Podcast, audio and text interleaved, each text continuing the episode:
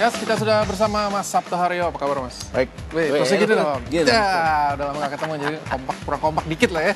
Nah, kita mau bahas tentang isu-isu yang diomongin, diomongin beberapa minggu terakhir yaitu drama transfer bintang Real Madrid Gareth Bale.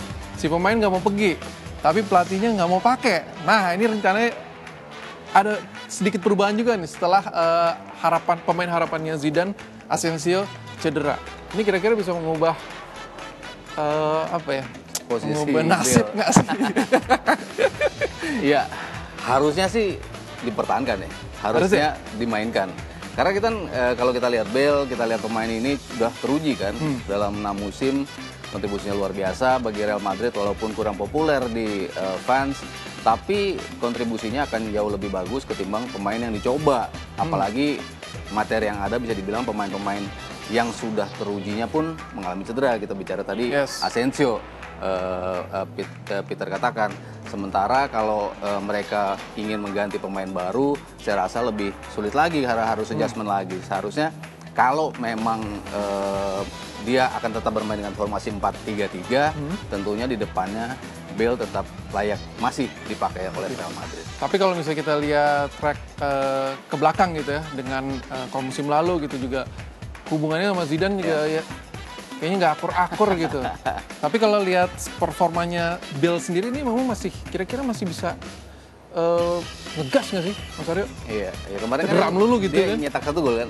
Iya. Di pramusim dia, kan memang kalau misalnya di laga-laga penting udah buntu dia bisa ngegolin tuh. Iya, itu itu yang sebetulnya uh, khas dari Bale, hmm. terus kenapa Bale di mata saya tetap penting bagi Real Madrid. Kita harus lihat sebelum Bale datang hmm. dalam 12 musim Madrid tidak pernah juara Liga Champions. Dia walau mungkin gabungan adanya Ronaldo di situ, hmm. adanya Cruz, ada Modric, ada Benzema, tetapi Bale tetap memegang peran penting dalam enam Eh, Liga Champion okay. eh, dia ada di situ empat menjadi juara setelah ada Bale dan di dua final yang satu lawan Atletico Madrid dan satu lawan Liverpool hmm. bisa dibilang dia menjadi bintang pahlawan kemenangan dari Real Madrid. Jadi Malah dibanding-bandingin sama prestasinya Zidane, prestasi ya, Beckham gitu. Kan. Iya, kalau kita bicara jumlah gol, kita bicara uh, trofi Liga Champions yang diangkat ya memang lebih banyak Bale kan. Jadi eh, kalau kita lihat pemain ini sebetulnya dari sisi jumlah gol dan gol-gol penting yang dihasilkan bagi Real Madrid seharusnya dia tetap dipertahankan walaupun mungkin hubungannya harusnya bisa diperbaiki nanti antara antara dia dan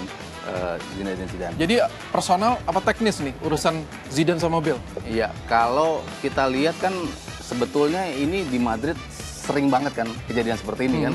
Kita bicara di era eh, Mourinho, eh, dia dengan Iker Casillas, Iya. dia dengan eh, Ramos, dia dengan eh, beberapa pemain. Lalu kita bicara di Barcelona pun, Pep Guardiola kan juga banyak sekali eh, ber- eh, ber- ya. bersinggungan dengan eh, pemain, mulai dari Ronaldinho, Deco, eh, lalu Zlatan Hmm. yang paling paling mencolok di Atletico Madrid pun pernah juga di Goverlan sama Kike Sanchez Flores. Hmm. Jadi rentetan antara ketidakenakan antara pemain eh, satu dengan pelatihnya kerap terjadi memang. Hmm. Terus kalau kita bicara di di Madrid memang contohnya cukup banyak yang tadi saya katakan pemain seperti eh, Iker Casillas Iya. bahkan situasinya bisa seperti itu padahal dia salah satu pemain pujaan di Real Madrid. Nah, ini kan Bale bisa dibilang bukan pemain pujaan tetapi kepentingannya kalau menurut saya sebetulnya masih sangat layak dibutuhkan oleh Madrid terutama dengan rentetan prestasi yang telah dihasilkan.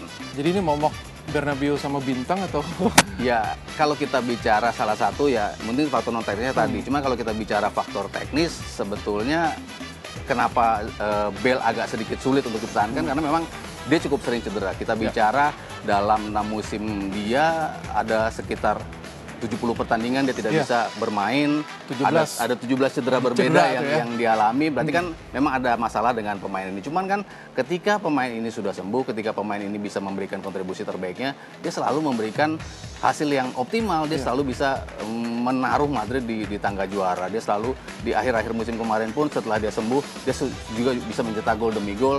Bahkan dengan daftar cedera yang begitu panjang dengan ketidakenakan dengan pelatih bahkan dia bisa mencetak 14 gol itu kan Ya. suatu bukti bahwa pemain ini dari kesuburan masih subur dari kecepatan masih punya kecepatan tetapi ya memang karena faktor kalau kita lihat mungkin ini lebih ke eh, faktor personal antara Zidane walaupun Zidane menolak untuk mengatakan itu sebagai faktor personal eh, Bale juga tidak mengatakan itu sebagai faktor personal, tetapi agennya Bale yakin betul bahwa ini adalah faktor personal antara Zidane dan juga. Ini Mungkin gara-gara final champion di Cardiff kayaknya ya.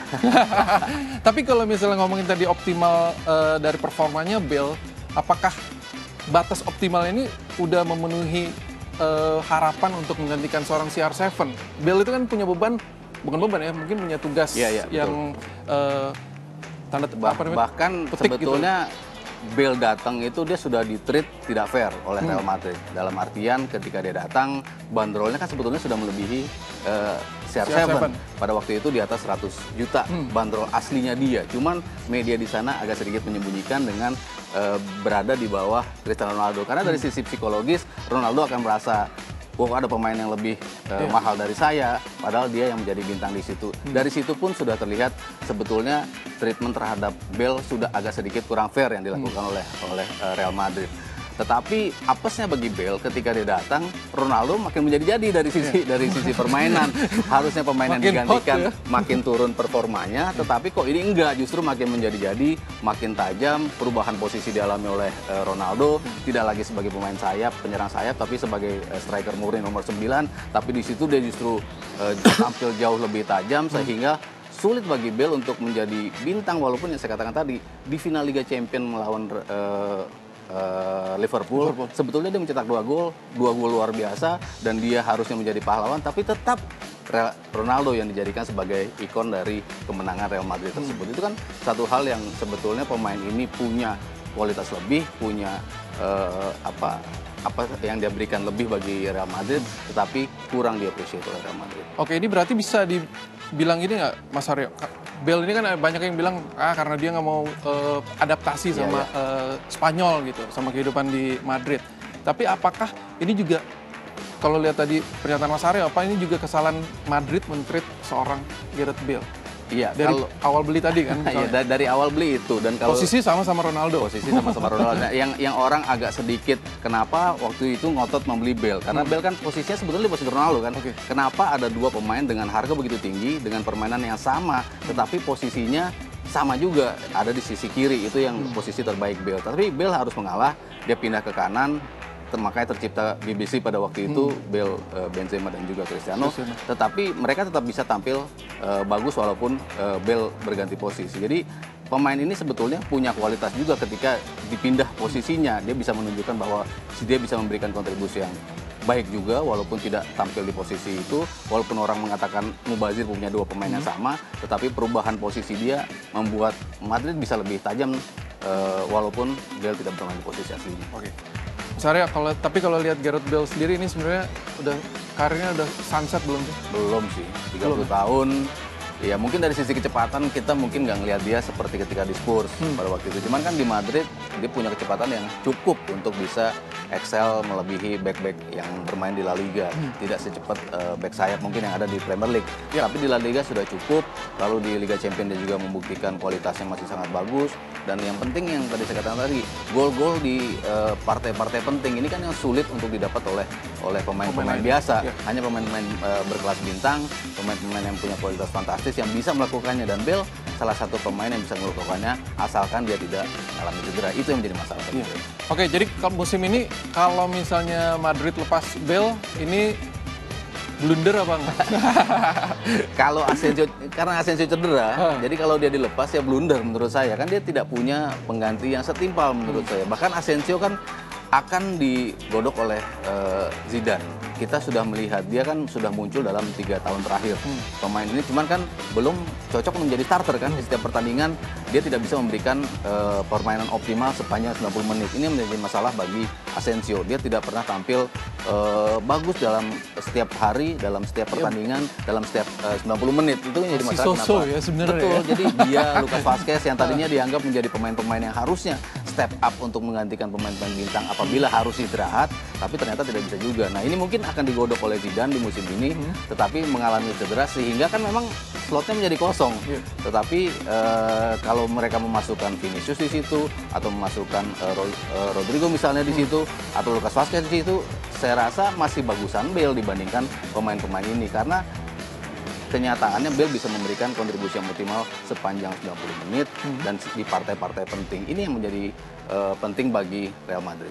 Ini pilihannya sebenarnya banyak tapi bikin Zidane juga pusing gitu ya. Kalau tapi kalau lihat uh, pramusimnya Madrid sendiri sama pemain-pemain barunya belanja besarnya uh, Real Madrid, kayaknya Zidane belum puas gitu. iya. Ya mungkin Hazard doang ya big uh, big profile player, uh, Jovic juga uh, bisa dibilang seperti itu. Cuman kalau memainkan Jovic kan berarti mereka harus tampil dengan formasi yang berbeda, hmm. 4-4-2, kalau 4-3-3 antara Benzema atau Jovic yang harus uh, dikorbankan salah satu memainkan dua pemain sama-sama uh, bernomor 9 hmm. tapi dalam formasi 4-3-3 kok agak sedikit sulit untuk yeah. untuk uh, mengharapkan mereka tampil langsung nyetel. Makanya kenapa dia butuh pemain lagi. Hmm. Mereka udah membeli lima pemain, cuman satu di posisi back, uh, ada di posisi uh, sayap, yep. lalu di posisi depannya hanya Luka Jokic. Jadi kalau melihat Hazard yang paling tidak sudah mendapatkan posisi uh, starting yang sudah pasti, tetapi siapa yang akan menjadi uh, tandem bagi Hazard uh, untuk menemani Benzema di depan hmm. atau Luka Jovic di depan, ini yang masih menjadi tanda tanya siapa yang paling cocok. Kalau hmm. saya melihat kalau dia uh, masih bugar dan tidak mengalami cedera, hmm. saya rasa Bell menjadi pilihan yang paling realistis dan paling tepat untuk dimainkan. Bell lagi, Bell lagi nih. Tapi yang bikin Bell kekeh gitu, dia tetap di pengen di Madrid Kayaknya iya kalau kalau dia sih atau apa sebenernya? Kalau dia sih saya rasa ada egonya dia juga kan hmm. maksudnya dia datang Ronaldo masih ada di situ. Hmm. Ronaldo sudah pergi kok saya belum merasakan kebintangan di belum sini. Menjadi replacementnya belum menjadi gitu. replacementnya, belum menjadi pemain terpentingnya Madrid. Hmm. Itu paling tidak yang dirasakan oleh Bale. Lo datang lagi Hazard lo, ada pemain lagi nih yang kayaknya bakal ada di atas dia lagi. iya benar. Nah, itu yang menjadi masalah bagi dia. Ini dia belum memberikan pembuktian secara ego dia belum bisa uh, tampil 100% lah hmm. dalam artian menjadi ikon klub, hmm. tetapi sudah harus disingkirkan. Saya rasa ini yang menjadi ego dari seorang uh, Bale. Kalau kita bicara dia jarang ikut pergi malam dengan tim, hmm. dia selalu uh, ingin cepat uh, pulang, lalu tidak bisa berbahasa Spanyol. Saya rasa banyak juga yang seperti itu yeah. sebetulnya yang tampil di Liga Spanyol. Jadi tidak menjadi masalah walaupun seorang pemain tidak bisa beradaptasi dalam uh, hal bahasa. Hmm. Paling tidak di atas lapangan dia bisa menunjukkan kualitasnya, dia tidak pernah uh, telat dalam latihan, dia selalu tampil profesional. Harusnya rewardnya menjadi pemain starting eleven. Tapi kalau di Madrid dari ya dari 10 tahun terakhir hal-hal kayak gini memang sering terjadi kayak Mas Haryo uh, yeah, cerita yeah, gitu. Jadi yeah. intinya ini untuk bintang menggantikan bintang, bintang menggantikan bintang. Sementara posisi Bell sekarang ini pingin jadi replacement tapi nggak kejadian gitu yeah, kan. Iya, kan uh, ya itulah media Spanyol mengatakan bahwa ini adalah patron Madrid. Madrid hmm. selalu mengganti bintang dengan bintang, mengganti bintang dengan bintang kita bicara banyak sekali bintang yang sudah pergi. Uh, ada Rafael van der Vaart, ada Wesley Snyder, ada Arjen Robben, bahkan Dina Morata dan James Rodriguez, hmm. pemain-pemain yang harus rela kebintangan mereka hilang digantikan oleh bintang lain. Hmm. Nah mungkin dalam egonya, Bale belum mau untuk melepas uh, kebintangan dia. Dia masih ingin membuktikan bahwa saya pemain yang penting, saya yang punya kualitas untuk menggantikan uh, Ronaldo dan dalam partai-partai penting dia sudah menunjukkan bahwa dia bisa hmm. walaupun tidak sekonsisten Ronaldo makanya mungkin akhirnya dia dipikir Zidane untuk digeser karena dia tidak punya konsistensi karena masalah cedera itu. Ah, tapi kalau misalnya bisnis untuk Madrid, Bale masih worth it nggak sih? Dari sisi penjualan ya mungkin udah sosok lah. Udah ya? Kalau kita bicara dia jauh lah dibandingkan oleh Cristiano Ronaldo. Tetapi dari sisi kualitas di atas lapangan, seharusnya pemain ini dipertahankan. Oke, kalau akhirnya memang Bel uh, pergi, penggantinya tadi kan udah sempat dibahas sama Saryo. Tapi ini kira-kira dengan dengan ada dengan pemain yang ada, apakah seorang Vinicius Junior bakalan karena Asensio kan cedera? Ya, betul. Bakalan Vinicius kalau dari sisi kualitas kalau dia punya konsistensi, hmm. ya dia dia layak dikedepankan. Mungkin yang paling depan okay. untuk bisa step up uh, dia, karena kita lihat dalam beberapa partai dia bermain, dia tampil sangat luar biasa, dia begitu pede, dia hmm. bisa mengubah gaya permainan Real Madrid di saat Real Madrid buntu tidak bisa gol. Harusnya kalau dia punya konsistensi, dia yang bisa menggantikan Gareth Bale. Cuman harus kita lihat dengan usia yang begitu muda, hmm. apakah dia bisa cukup pede untuk tampil uh, selalu bagus, kalau dia main jelek dia tidak uh, patah arang, tidak mudah untuk untuk apa uh, langsung tampil buruk di partai-partai berikut. Vinicius ya kalau yang paling realistis yeah. untuk menggantikan kalau Bel cabut ya Vinicius. Oke, kalau Bel cabut kan juga artinya masih bisa beli pemain lagi nih. nah, Kalau menurut Zidane sih dia akan nggak akan beli penggantinya Ya. di posisi Bale. Gitu. Ya orang banyak bilang nggak punya duit juga Madrid Nggak untuk ada duit ya ternyata ya. untuk untuk bisa membeli bahkan eh, isu Pogba akhirnya agak sedikit hilang kan ya. karena karena katanya Madrid tidak punya cukup dana untuk bisa membeli pemain. Cuman kalau dia pergi dan tidak bilang tidak ada pengganti dan on the market juga kayaknya sulit untuk mencari pemain yang selevel dengan eh, Bale, saya rasa ya Bale dipertahankan saja. Bale dipertahankan kayak ini kayaknya berapa persen ya kira-kira Mas Aryo? Kalau dilepas ya saya, saya kira Zidane blunder sih kalau dilepas. Oh, Cuman kalau dia bertahan dan kalau lihat persentase ya mungkin ya 60% lah dia bertahan 60 sampai 70. Ya kalau ngeliat bandrol harganya sih kayaknya emang nggak mau rugi-rugi bandar nih kayaknya ya Madrid ya. Dan mungkin ya Bale sih tetap tahun berikutnya dengan kondisi yang fisik yang sekarang sih masih bisa perform. Masih masih 30 tahun saya rasa untuk seperti Bale ya. Iya. Masih 30 sampai 32 tahun lah. Masih masih bisa asalkan dia tidak cedera itu aja. Asal jangan cedera, tambah lagi cedera ya, tambah golnya dong ya? Oke, terima kasih Mas Aryo ngobrol-ngobrolnya. Ya, sama-sama, Sukses terus juga.